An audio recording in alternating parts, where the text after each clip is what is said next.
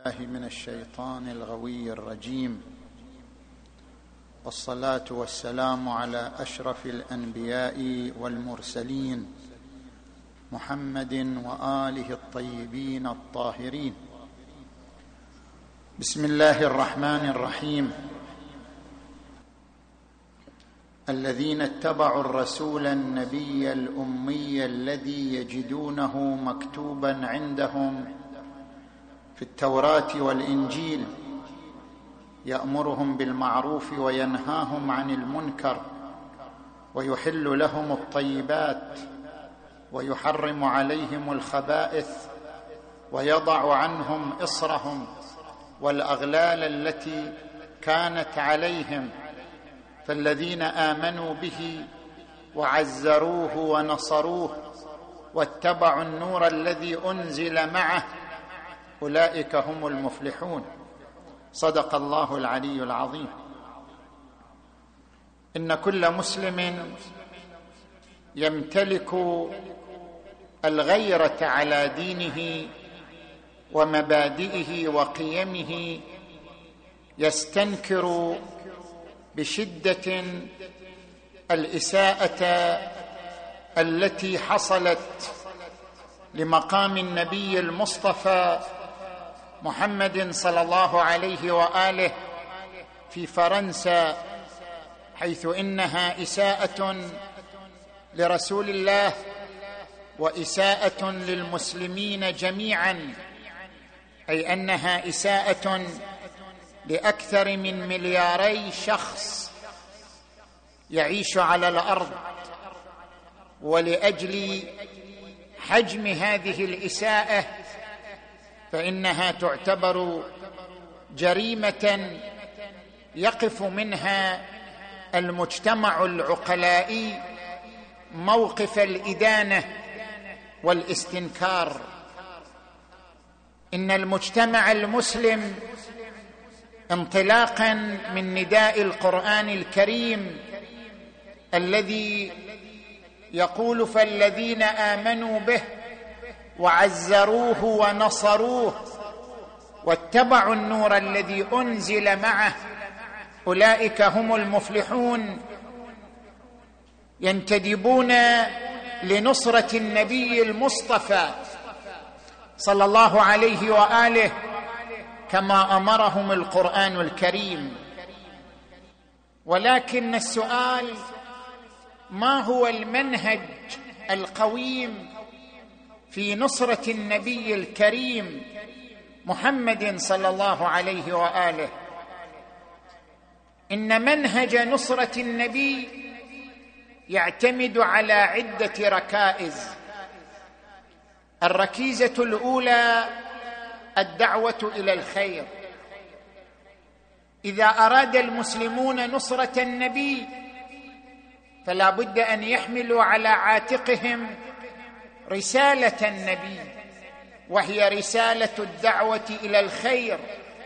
يقول القرآن الكريم ولتكن منكم أمة يدعون إلى الخير ويأمرون بالمعروف وينهون عن المنكر. إن الدعوة إلى الخير تتوقف على أن يمتلك المسلمون لغة الدعوة. المسلمون ما زالوا متخلفين في الدعوة إلى الإسلام إلى يومنا هذا. إن أكثر الديانات انتشارا في الأرض اليوم هي البوذية. لا لأن فكرها هو أقوى الأفكار ولا لأن أدلتها هي أقوى الأدلة. بل لأن البوذية تمتلك اللغة الجذابة تمتلك اللغة التي من خلالها تخاطب عالم اليوم بثقافته بلغته بمصطلحاته. المسلمون إلى اليوم مع ما يملكون من قدرات وطاقات مالية إدارية علمية لكنهم إلى الآن لم يسخروا طاقاتهم في مخاطبة العالم بلغة العالم باللغة التي يفهمها العالم من أجل نشر مبادئ الإسلام وقيم النبي المصطفى صلى الله عليه وآله. يحتاج المسلمون إلى أن يتحولوا إلى أساتذة بارزين في أبرز جامعات العالم حتى يصل صوتهم إلى العالم. يحتاج المسلمون إلى أن ينفذوا من جميع طرق النفوذ. كيف يخاطبون العالم؟ كيف يجذبون العالم بلغة عقلية رصينة تحول مبادئ الإسلام إلى صور معقولة يفهمها العالم ويستجيب لها ويتفاعل معها ويؤمن بها. إن هذه الدعوة هي ركيزة أساسية لنصرة الرسول المصطفى صلى الله عليه وآله فالذين آمنوا به وعزروه ونصروه واتبعوا النور الذي أنزل معه أولئك هم المفلحون. الدين الإسلامي هو دين الفطرة. لا يحتاج إلى مؤنة في التفاعل معه وتفهم مبادئه. القرآن الكريم عندما يقول الذين يتبعون الرسول النبي الأمي الأمي هو الإنسان الفطري. الذي يتكلم بلغة الفطرة بلغة الطبيعة البشرية من دون أن تتلوث لغته بثقافة دخيلة أو بمبادئ أخرى لغته لغة الفطرة الإسلامية.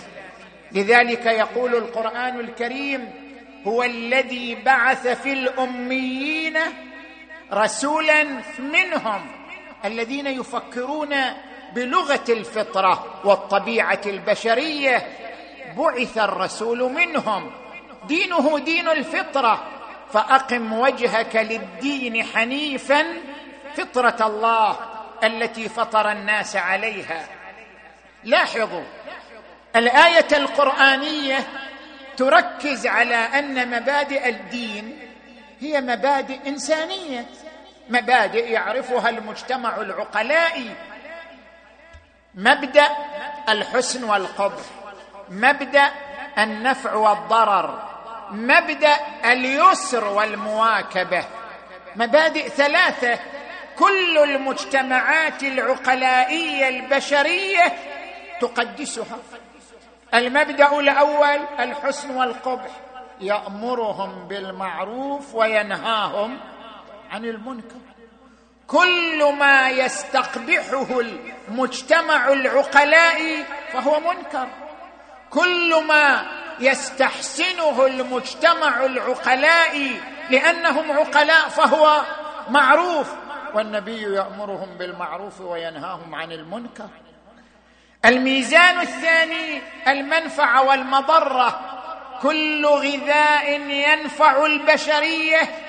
أحله كل غذاء يضر البشرية حرمه يحل لهم الطيبات ويحرم عليهم الخبائث. الميزان الثالث لغة اليسر. ما جاء بشريعة ثقيلة ما جاء بتعاليم ثقيلة. جاء بشريعة سهلة سمحاء تواكب حضارة الإنسان تواكب تطور الإنسان. ويضع عنهم إصرهم والأغلال التي كانت عليهم. كل الموازين في دينه هي موازين عقلائية فطرية تقبلها المجتمعات العقلائية. لذلك المسلمون يحتاجون إلى اللغة اللغة الجذابة اللغة المؤثرة. وإلا فمبادئهم على ضوء الفطرة على ضوء الطبيعة العقلانية البشرية. الركيزة الثانية تنقيح التراث. هناك تراث ورد في كتب المسلمين وصاغ شخصية الرسول الأعظم صلى الله عليه وآله على ضوء هذا التراث. وبعض هذا التراث يشوه صورة الرسول الأعظم. بعض هذا التراث يسيء إلى مقام الرسول الأعظم صلى الله عليه وآله. لذلك من الركائز الضرورية لنصرة الرسول تنقيح هذا التراث.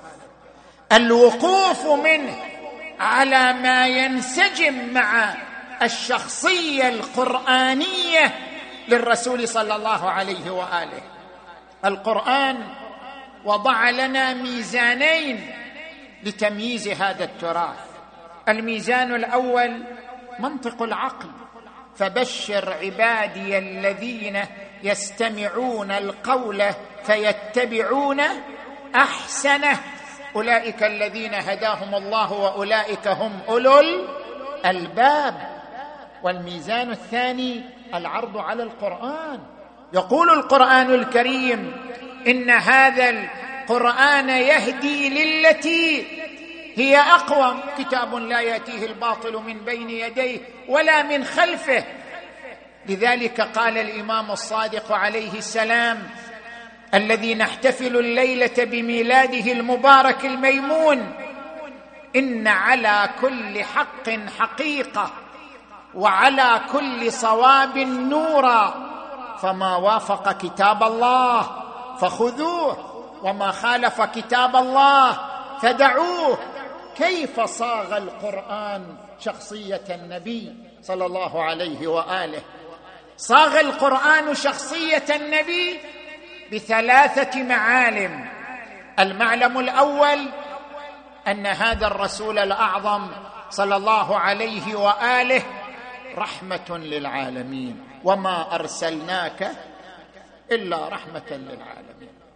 المعلم الثاني ذو الخلق العظيم وإنك لعلى خلق عظيم.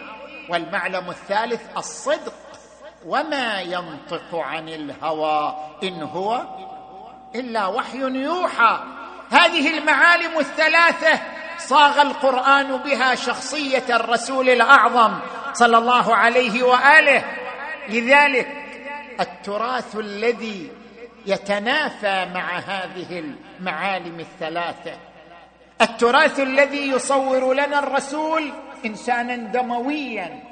التراث الذي يصور لنا الرسول إنسانا شهوانيا.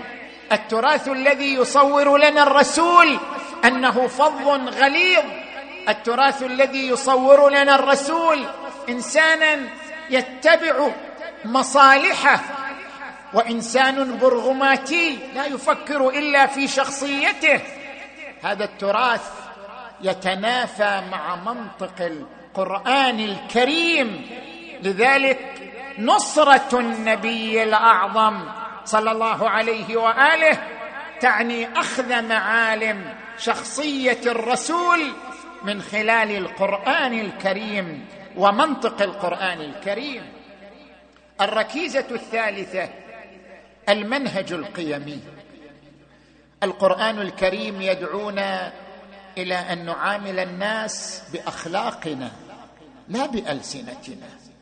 القرآن الكريم يقول لنا وإذا مروا باللغو مروا كراما وإذا خاطبهم الجاهلون قالوا سلاما. تعامل مع الآخر بالقيم الإنسانية.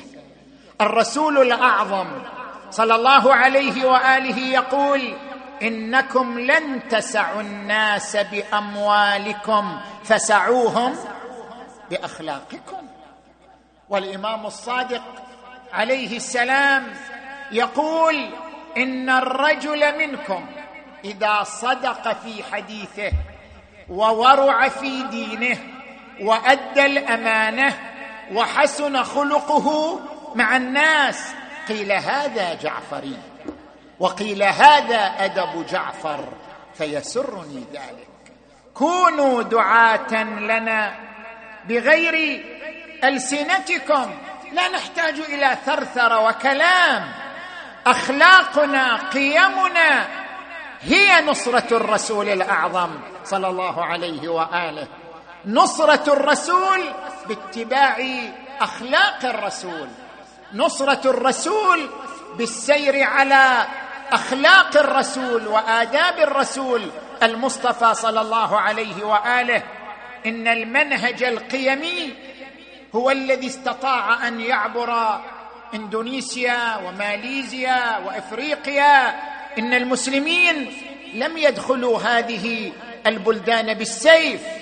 وإنما دخلوها بالخلق العظيم. لذلك انتشر الإسلام بل أصبح عدد المسلمين في هذه البلاد أكبر عدد للمسلمين في العالم لأن المسلمين دخلوا إليها بأخلاقهم بقيمهم بأدب الرسول المصطفى صلى الله عليه وآله. الركيزة الرابعة لغة الإنسانية. من أساء للرسول فلا يحسن أن يواجه بلغة العنف وبلغة الشدة وإنما يحسن أن يواجه بلغة المنطق وبلغة العقل وبلغة الاستدلال. لسنا عاجزين حتى نستخدم وسيلة العنف في مواجهة الإساءة للنبي صلى الله عليه وآله إننا نتمكن بمبادئنا وقيمنا ومنطقنا العلمي أن نشرح للعالم من هو النبي محمد وما هي قيم النبي محمد وما هي مبادئ النبي محمد صلى الله عليه وآله الطيبين الطاهرين. لذلك يقول القرآن الكريم ادع إلى سبيل ربك بالحكمة. ضع الأمور في مواضعها بالحكمة والموعظة الحسنة وجادلهم بالتي هي أحسن. الركيزة الخامسة وحدة كلمة المسلمين. المسلمون في هذه الظروف الحالكة هم أحوج إلى وحدة الكلمة من أي ظروف أخرى المسلمون في هذه الظروف هم أحوج إلى السير على منطق القرآن الكريم وأن هذه أمتكم أمة واحدة وأنا ربكم فاعبدون ولا تنازعوا فتفشلوا وتذهب ريحكم. أنتم المسلمون اليوم محتاجون إلى تكريس وترسيخ مبدأ وحدة الكلمة. نحن المسلمين والحمد لله في المملكة العربية السعودية وفي دول الخليج وأغلب الدول التي تضم الصنفين الأخوين السنة والشيعة نعيش أجواء العلاقة الأخوية الوطنية الحميمة. ما بيننا نتحمل الشعور بالمسؤولية نتحمل روح الوعي في سبيل تركيز مبدأ الوحدة في سبيل أن نتعاون في بناء أوطاننا وتنسيق جهودنا من أجل إبراز الإسلام بصورته المشرقة الوضيئة وتعاونوا على البر والتقوى ولا تعاونوا على الإثم والعدوان. إننا بهذه الروح التي نمتلكها وهي روح الشعور بالمسؤولية لا نسمح لأي كلمة تؤجج نار الطائفية أو تثير الغبار أمام وحدة الكلمة وتناسق المسلمين وشده أواصرهم وشدة عراهم في أسرة جميلة تظهر مبدأ الأخوة ومبدأ الترابط الإسلامي والوطني. نصرة الرسول الأعظم بوحدة الكلمة. نصرة الرسول الأعظم بأن يكون المسلمون في موقف واحد عندما يدعون إلى مبادئ الرسول وقيم الرسول المصطفى صلى الله عليه وآله. الركيزة الأخيرة تقنين حرية التعبير. إن الذين أساءوا لشخصية الرسول الأعظم تذرعوا بذريعة حرية التعبير وأن من حق الإنسان أن يعبر عن آرائه وعن نقده وعن تقويماته من دون حدود ومن دون قيود. ولكن المواثيق الدولية مواثيق الأمم المتحدة المواثيق العقلائية تنص على أن حرية التعبير حق لا يصل إلى حد الاعتداء على الآخر أو الإساءة لرموز الآخر. حرية التعبير حق في إطار العلاقة الإنسانية السلمية. حرية التعبير حق لا يكفل لك أن تهتك الآخر ورمزية الآخر أو أن تثير نعره قومية أو عنصرية أو طائفية ليس حق التعبير تعني أن تسيء وأن تعتدي وأن تهتك الحرمات والرموز والمقدسات. لذلك من يشكك في محرقة الهولوكوست يعاقب يعتبر تشكيكه جريمة فضلا عن أن ينكر مجرد أن يشكك يعتبر بالمنطق الدولي جريمة مع أنه يتحدث عن حادثة تاريخية قد تصح وقد تخطئ. فكيف بالإساءة إلى رمز يعبر عن أكثر من ملياري إنسان على الأرض؟ لا يعد إساءة أو جريمة أو خرقا لجميع القوانين وهتكا لأقدس الحرمات. لذلك المسلمون مدعوون لتأكيد أن حرية التعبير حق في إطار احترام الآخر في إطار احترام رموز الآخر في إطار احترام مقدسات الآخر. وليس على إطلاقه دون قيود إنسانية عقلائية. نسأل الله تبارك وتعالى أن يجعلنا مع المصطفى أحياء وأمواتا أن يرزقنا في الدنيا زيارته أن يرزقنا في الدنيا خدمته وخدمة مبادئه ودينه وأن يرزقنا في الآخرة شفاعته وقربه بلغ العلا بكماله كشف الدجى بجماله حسنت جميع خصاله. صلوا عليه وآله والحمد لله رب العالمين.